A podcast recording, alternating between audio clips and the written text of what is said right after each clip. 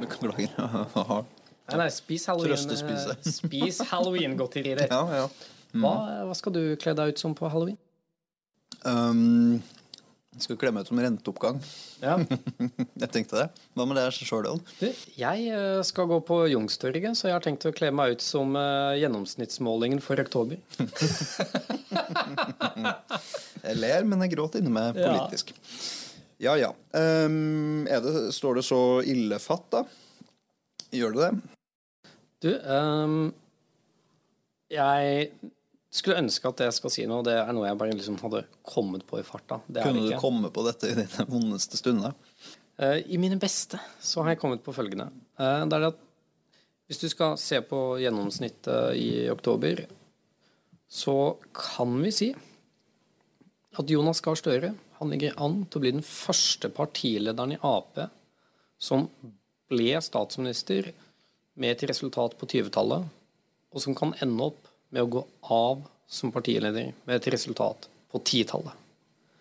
Fordi gjennomsnittet er da 19,6. Smak på det. Jeg så en, jeg så en enkeltmåling på 18, men den var gjengitt av Poll of Polls. Ikke til å forveksle med navnet på denne podkasten her, men eh, vi har jo latt oss inspirere, da. Eh, Som var på 18, og jeg satte nesten kaffen i halsen, for jeg trodde det var en gjennomsnittsmåling. Men det er altså ikke så ille fatt. Det er 19 um, Og så drar jo du noen uh, lange linjer her, da, og du um, uh, du ser fram i krystallkula og, og ser for deg at dette kan vedvare øh, også fram tre år fra nå? Altså, nå ligger det en god dose spinn i å si at han kan gå av på 10-tallet, men, men 19,6, altså strengt tatt på 10-tallet. Muligheten er der. Ja. Eh, Jeg, jeg mener ikke at Ap får 10 åpenbart, er ikke det jeg mener. Men eh, nei. Tror du de har truffet gulvet? Nei. Nei. Det er ingen grense for hvor lavt dette kan synke. Nei, men det er, det er mer sånn Hvis du husker tilbake til eh, Eller du husker ikke tilbake til den tiden, for du er så ung. eh, men Kan ha lest om det, da. Ja, det er sant. Men, men fighten mellom Jagland og uh, Stoltenberg Ja. men, men, da, men da var det jo enkeltmålinger hvor de var nede på sånn 14-tallet. bare sånn for disclaimers i Jeg var født da. Ah, ja. Men, men du var ikke med Du hadde ikke blitt med AUF Det gjorde større ennå. inntrykk med kyllingdansen til Bård Tufte enn akkurat liksom, målinga på den tida, men det har endra seg nå, da. Ja. Um, Men jo, målinga ned på 14-tallet. det- det- jeg mener husk at de, de lå på det nivået. E- Enkeltmålinger, da. Jeg tror faktisk at det fantes en enkeltmåling i ikke så lenge etter valgnederlaget i 2001 som var Jeg tror ikke det var så mye langt under øh, 20-tallet, altså. Nei. Det, det- det er ikke meninga å, å, å gi det feil, men jeg tror aldri man har vært ned på 14. Eh, Men det var en enkeltmåling hvor SV var oppe på sånn De var større, i hvert fall. SV var større på noen og 20 og Arbeiderpartiet ned på 18-19, der man ligger nå, egentlig. da. Som jo er spesielt, fordi Hva skal jeg si? Personkonflikt og det som skjedde den gangen, det, det, det kan man på en måte forklare. Kan man si krig og Krig og eh, dyrtid. Det er jo ikke noe Hva skal jeg si? Bygger jo ikke velgerskare nødvendigvis det heller, men eh, vi har jo sett ledere som klarer å um, kapitalisere og, og bygge, bygge oppslutning, litt som eh, Jonas sin svenske counterpart, eh, Magdalena Andersson, helt fram til tampen av valgkampen i Sverige. Jo, men jeg syns at du må inn i substansen av politikken òg. Og det, det ferskeste eksempelet vi har nå, er statsbudsjettet. Der fordeles godene og byrdene veldig tydelig. Eh, og sånn jeg ser det, så har, har på en måte Ap sagt farvel til å være et parti for den brede middelklassen i det budsjettet. Eh, hvis du legger og, og da liksom se bort fra vindkraft og grunnrenteskatt på eh, laks. Det er ikke det jeg mener. Men, men tjener du 750 000, så er du nå per definisjon eh, ikke lenger definert som en del av folk flest. Eller vanlige folk. Tjener du over Va- 750 000, det er det du mener? Jo, jo, men Jo. jo Er det ikke det? Jo, men så kan du legge til en del altså, Det var en artikkel som pekte på at men hvis man legger til typ, hva veldig mange mennesker har, i form av eh, pensjonsopptjening, eh, telefongodtgjørelse, sånne ting, mm. så vipper du. Så er det mange flere som kommer over den terskelen enn hvis du kun ser på inntektstabellene. Så, men, altså, og I tillegg så liksom, kan du si altså, gyver de løs i anførselstegn på høyere utdanning og en del sånne ting. Jeg, jeg bare, det imaget Ap er i ferd med å få Jeg sier ikke at det er rettferdig, men det imaget de er i ferd med å få jeg, tror at jeg er i ferd med å definere bort veldig mange velgere som uh, potensielt sett kunne stemt på dem. Men uh, uten å være helt uh, som en viss statssekretær fra statsministerens kontor Er du lamslått av å sitte i samme rom som meg? Unnskyld, Vegard. Men nei, uten å gå helt den veien, da, så er det noe med Hva skal jeg si Um, jeg oppfatter vel at denne regjeringa leverer på politikken man har lovt, og som man på en måte har fått et slags mandat til å gjennomføre på. Jeg tror bare det at Ja, du nevner denne eh, grunnrenteskatten og ja, kall det lakseskatten, da. Eh, jeg tror kanskje det var første eksempelet jeg så på en regjering som var offensiv og liksom styrte dagsorden, satte et narrativ. Og det er jo noe som en regjering bør gjøre litt oftere enn en gang hvert styringsår. Eh, sette litt eh, retning på, på politikken og, og, sette den inn i en kontekst som jeg syns du gjorde på en briljant måte. Så kan man liksom mene det man vil om den politikken, om den var god eller dårlig.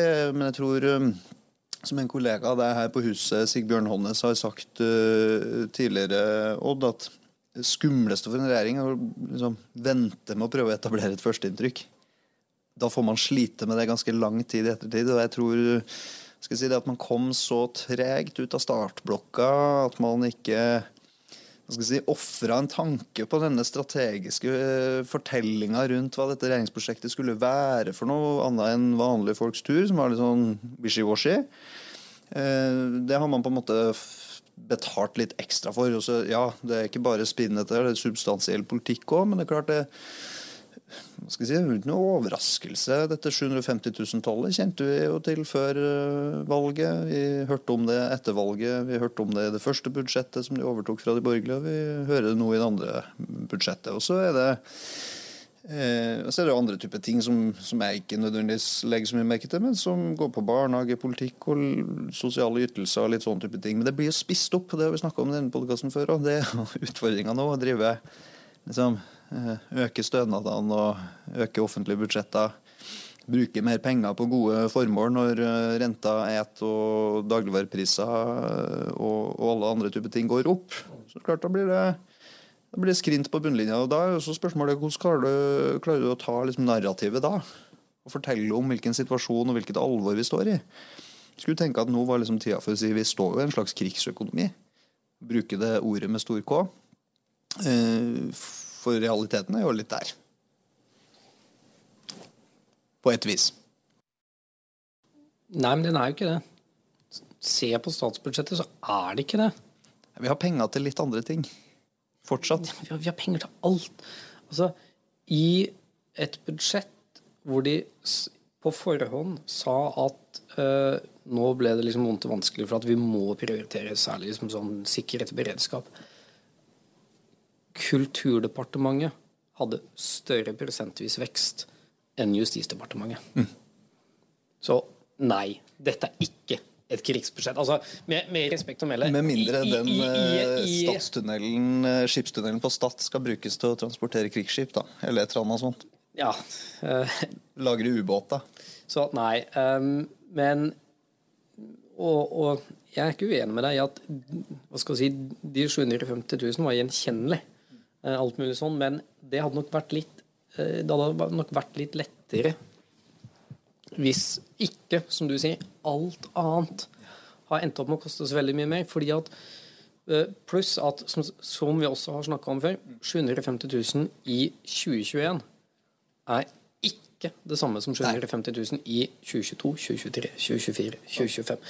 Altså, Stadig flere ender opp i den, samme, i den kategorien. Men først og fremst. Altså, mitt poeng er i og for seg ikke enkeltposter i dette budsjettet, men mer det at nå jeg, jeg tror veldig, en stor del av den brede middelklassen ikke opplever at Ap lenger er et parti for dem. Og det er vanvittig farlig for et parti som historisk sett har vært vellykka fordi det har vært en bred koalisjon av mange ulike interesser.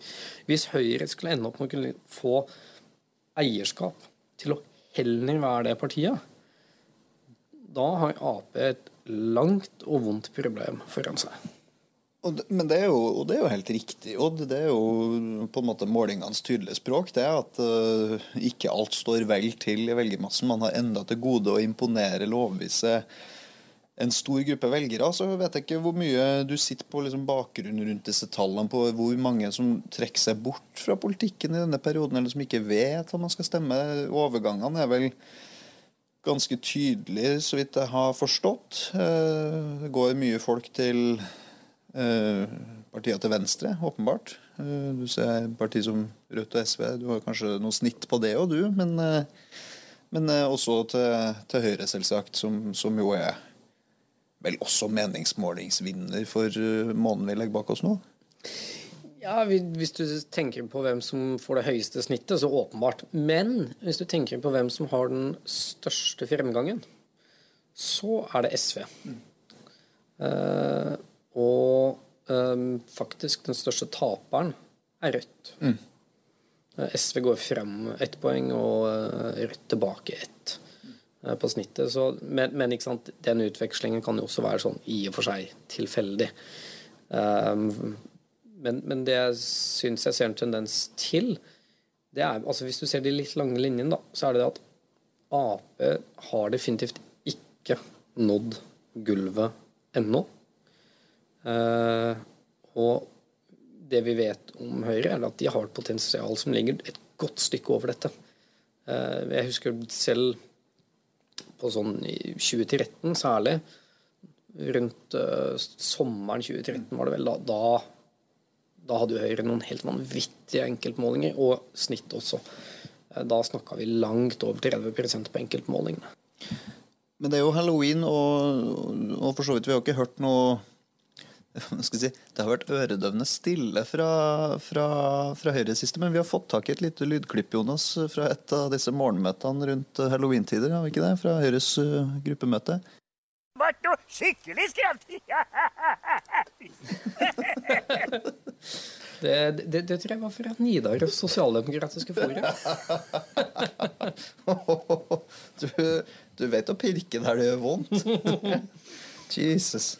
Men, men mens, mens, Jonas finner den faktiske eh, lydklippet fra morgenmøtene jeg, jeg, kan bare nevne det. Vi snakka jo om sånn 2012-2013-tallene til Høyre. Høyre maksa ut da, i 2013 i sånn Ja, nei. September-oktober 2012 så hadde Høyre på snitt sånn 33,5 og 33,9 i snitt på målingene. Det er ganske ko-ko. Særlig hvis du tenker, legger til at Ap lå på rundt 30-tallet samtidig. Det har skjedd en eh, hva, hva, kaller vi dette her innenfor statsvitenskapen, Odd? Ja, det er så lenge siden jeg studerte at jeg husker. Ja, I hvert fall en fragmentering, da, kan du si. Eh, det er spredning på flere partier, og det hva skal jeg si, enkeltinteresser som gjør seg gjeldende i hvordan folk eh, tenker og stemmer. Også Venstre gjør det vel ganske greit eh, på snitt, jeg vet ikke. Nei. Ikke så, Nei, ikke så godt på snitt? Nei, altså de Jevnt over tid så har de ligget på 4, noe. Gjør dette fordi Jonas sparka meg under bordet? Eh, Da skal han få ny anledning, fordi snittet er faktisk 4,2. Så fryktelig nært. Dager! det Nå skulle det jo komme en spalte her om et eller annet. Jeg husker hvilken vignett dette her er. For, for, de, for, de, som fikk et flashback til en tegneserie nå, så er det helt riktig. Det gjør jeg også. Det er nemlig Det var en gang et menneske. Ja, jeg ble helt satt ut. Dette var mer skremmende. Jeg hadde tenkt meg rett inn på trommehinna, dette her. Men eh, Odd, skulle vi eh, Apropos statsvitenskap, det er også en vanlig øvelse innafor um, for det fagfeltet å drive litt sånn eh, counterfactual. Eh, tenke seg til scenario hvis, hvis som at det dersom at Erna Solberg hadde vært statsminister i dag, hvordan ville ting sett annerledes ut? Hvordan hadde man håndtert eh, den globale økonomiske situasjonen og energisituasjonen, krig på kontinentet? Tror du det hadde vært noe annerledes? Det hadde jo bygd på et eh, allerede eksisterende narrativ og en eh, troverdighet, kan du vel si. Som hun hadde bygd opp gjennom åtte år. Mm. Ehm, ja, det kan man godt si. Men samtidig Altså, nå var jo ikke Høyre gjorde ikke et godt valg. Så man klarte 20-tallet. Men man gikk ganske mye ned sammenligna med hva man gjorde. Så jeg tror vi kan si at kontrafaktuelt, da, altså hadde de på en eller annen måte redda et flertall, så hadde jo ikke velgerne likevel vært eh, Altså, de hadde nok sittet litt løst likevel. Eh, og Kulturdepartementet hadde fortsatt hatt vekst i sine budsjetter med KrF og kirkeminister. ja, men ikke på 5,5 håper jeg. Um, men um, det de kunne ha gjort, som jeg, som jeg tror at man kanskje ville ha gjort fordi det var noe man hadde erfart i løpet av pandemien og andre av de krisene de håndterte, det var det at eh, befolkningen har faktisk behov for ordentlig god og jevn informasjon om hva er situasjonen, og hva gjør vi med det. Eh, altså, om, om du holdt en for den saks skyld månedlig pressekonferanse, så sa de at ok, nå er vannstanden i magasinene er så og så mye. Eh, Vi holder på å rulle ut eh, energieffektiviseringstiltak for så og så mye. Vi holder på å vurdere disse områdene for å få bygd ut ny kraft. Altså i- hele tiden gitt status og løypemelding. Eh, Sånn Informert folk i hjel. jo, men og, og gitt folk en trygghet for at noe foregår. Eh, rettferdig eller ikke, og kanskje er jeg påvirka av Facebook-feeden min, det kan absolutt hende.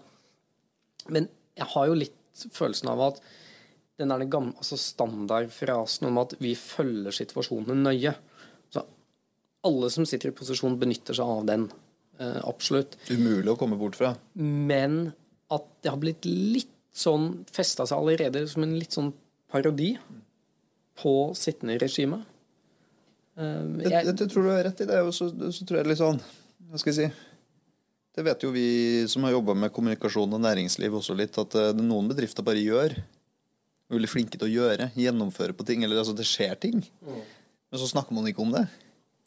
Fordi man ser liksom ikke verdien av kommunikasjon rundt de tiltakene man treffer, og de tingene man gjør. Det skal jo sies. Altså, det er jo, hva skal jeg si, vi har den laveste, omtrent den laveste strømprisen i Europa og de rauseste tiltakspakkene for å holde den lav for, for vanlige folk. Um, vanlige folk som er egentlig alle, da, om du har jacuzzi og oppvarma oppkjørsel.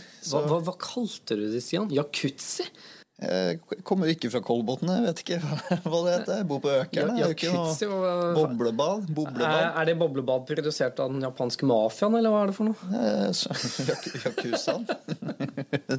Nei, kan ikke du forklare, da, du som er slik en ekvilibrist? Nei, det bare kalles jacuzzi. Ja- Jacuzzi, ja. Beklager om forlatelse. Litt som blazer. Ja. Eh, nei, men det er bra. Vi kom, vi kom i hvert fall til bunns i det. Uh, men men, men, uh, men eh, åkke som store og små har fått, fått så det ljometter, og nå begynner andre å etterspørre, etterspørre mer. du forstår hva jeg mener. Men, men det er jo et øh, Vi kommer ut av en pandemi. øh, både næringsliv, øh, særlig små og mellomstore bedrifter, har vært gjennom mye. Det har vært tøft. Men man har også vært vant til et statsapparat, en regjering, en, en stat som stiller opp. Og kanskje i overkant mye. Mm. I hvert fall når du ser, jeg synes kanskje Et av de mest talende eksemplene var var vel en eller annen lokalbutikk på et vintersportssted, uten at jeg husker liksom detaljene i det, som nå ville ha en støtte fordi man var redd for at fraværet av strømstøtte til hytteeiere kunne føre til at færre tok turen til fjellet, og dermed så ble det mindre omsetning i butikk. Eh, der er vi i Norge i dag, i 2022. Eh, ja, jeg skjønner jo kanskje da at eh, ordet krigsøkonomi blir litt langt unna, men eh, krigsøkonomi her er da eh, ikke å få strømstøtte til hytta, f.eks. Der er vi nå. Det er alvor nå. Eh, så, men det er jo det er halloween. Eh, jeg tror jo på en måte man trenger jo verken eh, skjeletter eller vampyrer for å, for å bli skremt. Det holder jo bare å ta en titt i nyhetsmedia i dag. Øke, øke Forsvaret sin beredskap. Vi har en, et alvorlig bakteppe. Hvor viktig er det for eh, regjeringspartiene eh, sin oppslutning at man greier å respondere på den situasjonen her? Bryr folk seg om det, eller er det til syvende og sist lommeboka og privatøkonomien som kommer til å avgjøre? Eh, det er nok altså den gode gamle Clinton-tesen «It's the economy stupid'. Eh, og hvis, hvis man skal ta en liten parallell, så ville jeg sagt at du, du ser det litt i USA nå. eh, at ting som på sett og vis er litt Altså eh, no, Noen saker kan komme inn og dominere dagsordenen og bevege velgerne ganske mye en kort periode. Og så forsvinner det litt ut av bevisstheten. Eh, mens det som Fordi at hva skal jeg si, eh, det gjelder ikke sånn, det gjelder ikke meg, det er ikke akutt, sånne ting. Men økonomi er på en måte, det lever du med hver dag. Altså det har du Du har det der hele tida. Du kjenner det i lommeboka hver eneste dag hvis det er litt vanskelig. Og parallellen til USA er Nå ser det ut som om republikanerne er på vei til å Altså, de kommer garantert til å vinne eh, House of Representatives. Sannsynligheten for at de vinner Senatet har begynt å øke betydelig nå. Eh, Og det er en ganske stor endring sammenligna med i sommer. Fordi eh, liksom i kjølvannet av noen mellomvalg der som ikke gikk så godt. Det var tatt som en sånn temperatur. Ja, nei, men det, var- det var noen høyesteretts, altså høyesterettsavgjørelser innen Roe versus Wade og en del sånne ting. Så kan du si at først så var målingene veldig tydelige på at ok, republikanerne tar senatet også. Så kommer de eh, avgjørelsene, og så skifter tematikken veldig, og særlig Roe versus Wade liksom satte abortrettigheter høyt på kartet, høyt på agendaen. Eh, Demokratene fikk et veldig oppsving. Nå viser målingene at folk er ikke like opptatt av det lenger. Nå er det inflasjon, det er bensinpris, eh, rente ikke sant? Alt de klassiske økonomifaktorene, pluss immigrasjon og justis, som er mye høyere på dagsordenen. Og demokratene begynner å slite mye mer på målingene, særlig i vippestatene, som vi vet at er det som avgjør det i USA. Eh, det, den, den parallellen tenker jeg kan, kan funke i USA, nei, i Norge også, fordi at ja, det er dramatisk med situasjonen i Ukraina. Man er også bekymret for klimaendringene. altså Ta siste rapporten til FN. Man burde Blir livredd. Ja, man burde jo være det. Men i hverdagen så likevel Det er litt Det kjennes mer på kroppen. Mer akutt, mer kjipt at du må kansellere den ferieturen din til eh, Granca. Ja, eller droppe den ekstra julegaven, eller hva skal jeg si. Det er lettere å telle kroner og øre på konto enn det å telle hva skal jeg si, økende vannstand om 20 år. Jeg skjønner det. Jeg forstår den. Men er det, er det slik, tror du, at Støre-regjeringa og Arbeiderpartiet Senterpartiet har valgt seg i hermetegn feil narrativ her? Vi har en veldig aktiv statsminister som er mye på i utenrikspolitiske spørsmål.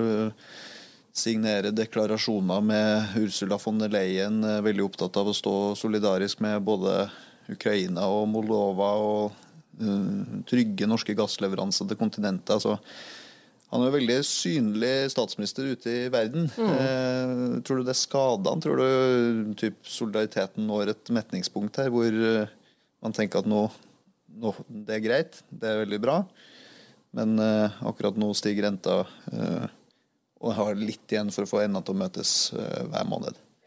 Jeg heller til den siste. Altså, han, gjør som du sier, han gjør en god jobb på den arenaen.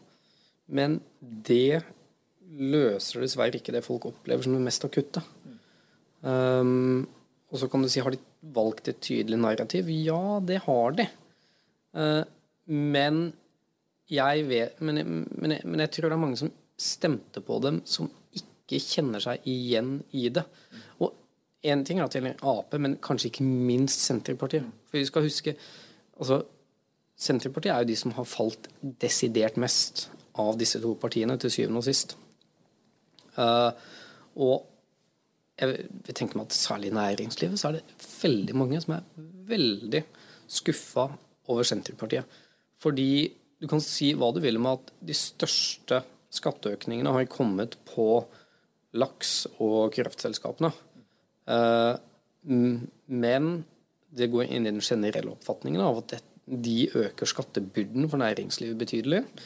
Men også den der litt sånn kjipe greia, tror jeg mange opplever det som at eh, økt arbeidsgiveravgift på de som, tjene, som tjener over 750 000. Eh, det er faktisk ganske mange av de som stemte på Senterpartiet, som på en eller annen måte rammes av det. Og dette er mer en personlig betraktning, men når du da f.eks. har næringslivsminister som går ut i DN og er sånn Skatteøkninger? Hvilke skatteøkninger da? Altså, med respekt å melde, når du har økt både eh, formuesskatten, utbytteskatten og legger til økt arbeidsgiveravgift for de som tjener over 750 000, da er det ikke én bedriftseier i Norge som sitter og sier hvilke skatteøkninger? Det lurer jeg også på.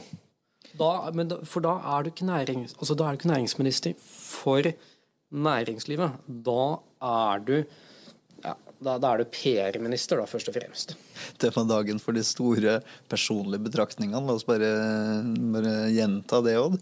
Nei, men, eh, men um, No spin zone. Ja, ikke sant. Det er jo det man, man ønsker seg. Jeg tror nok kanskje at Senterparti-velgere er litt der at det, det ble ikke helt sånn som de hadde sett for seg. Og sånn er jo politikken litt òg.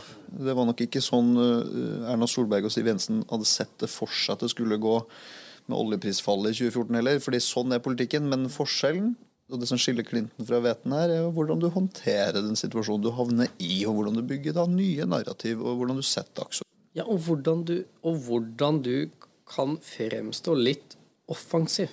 Altså, for, for det syns jeg er mangelvare i dag de, Det virker som de er litt sånn de, de, tar litt for gitt da, at ting skal være vondt og vanskelig nå. I stedet for å prøve å ha et litt optimistisk utsyn uh, og snakke om at de i det minste uh, gjør det de kan for at ting skal bli bedre. Det de først og fremst sier, er at vi gjør det vi skal for at ting ikke skal bli verre. Skal vi helt til slutt bare sånn si da, det, det hender jo at man eh, som politisk parti og politiske bevegelser tar eh, inspirasjon fra andre. Nå skjer det jo mange spennende ting i politikken. Sånn. En ny sikkerhetspolitisk situasjon og hele verdenssituasjonen gjør at ting er litt i spill, og nye trender og tendenser former seg. Eh, og Det som skjer i Danmark nå, skal vi følge spent med på. Det er valg i Danmark snart. Ja, men... Eh, og, jo, men sant, det var jo en debatt uh, ja, senest i dag, tror jeg, for de som lytter til Politisk kvarter. Rundt, uh... Hvis du lytter på denne podkasten, så lytter du på Politisk kvarter. vi går ut ifra det òg. Ehm, men, eh, men, de grepene som eh, Mette Fredriksen nå gjør for å favne så bredt som mulig, det tror jeg først og fremst er et veldig sånn strategisk klokt valg å vise seg som åpen og eh, hele landets statsminister. De går til valg på statsministerkandidat, det er jo på en måte det de gjør. Ehm, men det har jo hatt en tendens til å være slik at du tar de utfallene som eventuelt fungerer. Da. Det som Kan dette fungere i Danmark, så kan det hende at det kan fungere i Norge òg. Hvem vet om Mette Fredriksen vinner dette valget og klarer å skaffe en brei koalisjon på tvers av blokkene i dansk politikk, så kan man jo muligens la seg inspirere av det eh, også her i Norge til om tre år. Mm. Men du vet hva, vi får ta en egen sånn uh, dansk spesial på en dansk salami på et senere oh. tidspunkt. Uh, fordi Jonas, vår eminente produsent, han har sittet og desperat pekt på klokka. Men det var lenge det, det, siden sist. Ja, så, men derfor ble det også en litt sånn skummelt lang ja, ja. episode. Skremmende eh, langt for ørene til folk. Så men hvis du, har tid, hvis du har tid, så kan vi bare spille inn en til umiddelbart etterpå. Nå. Det er klart vi skal gjøre det. Ja. Men vi, eh, vi, sier som vi alltid gjør. Den som måler får se. Så skal vi komme tilbake med litt høyere frekvens og litt mindre skremmefaktor neste gang. Takk for at du hørte på.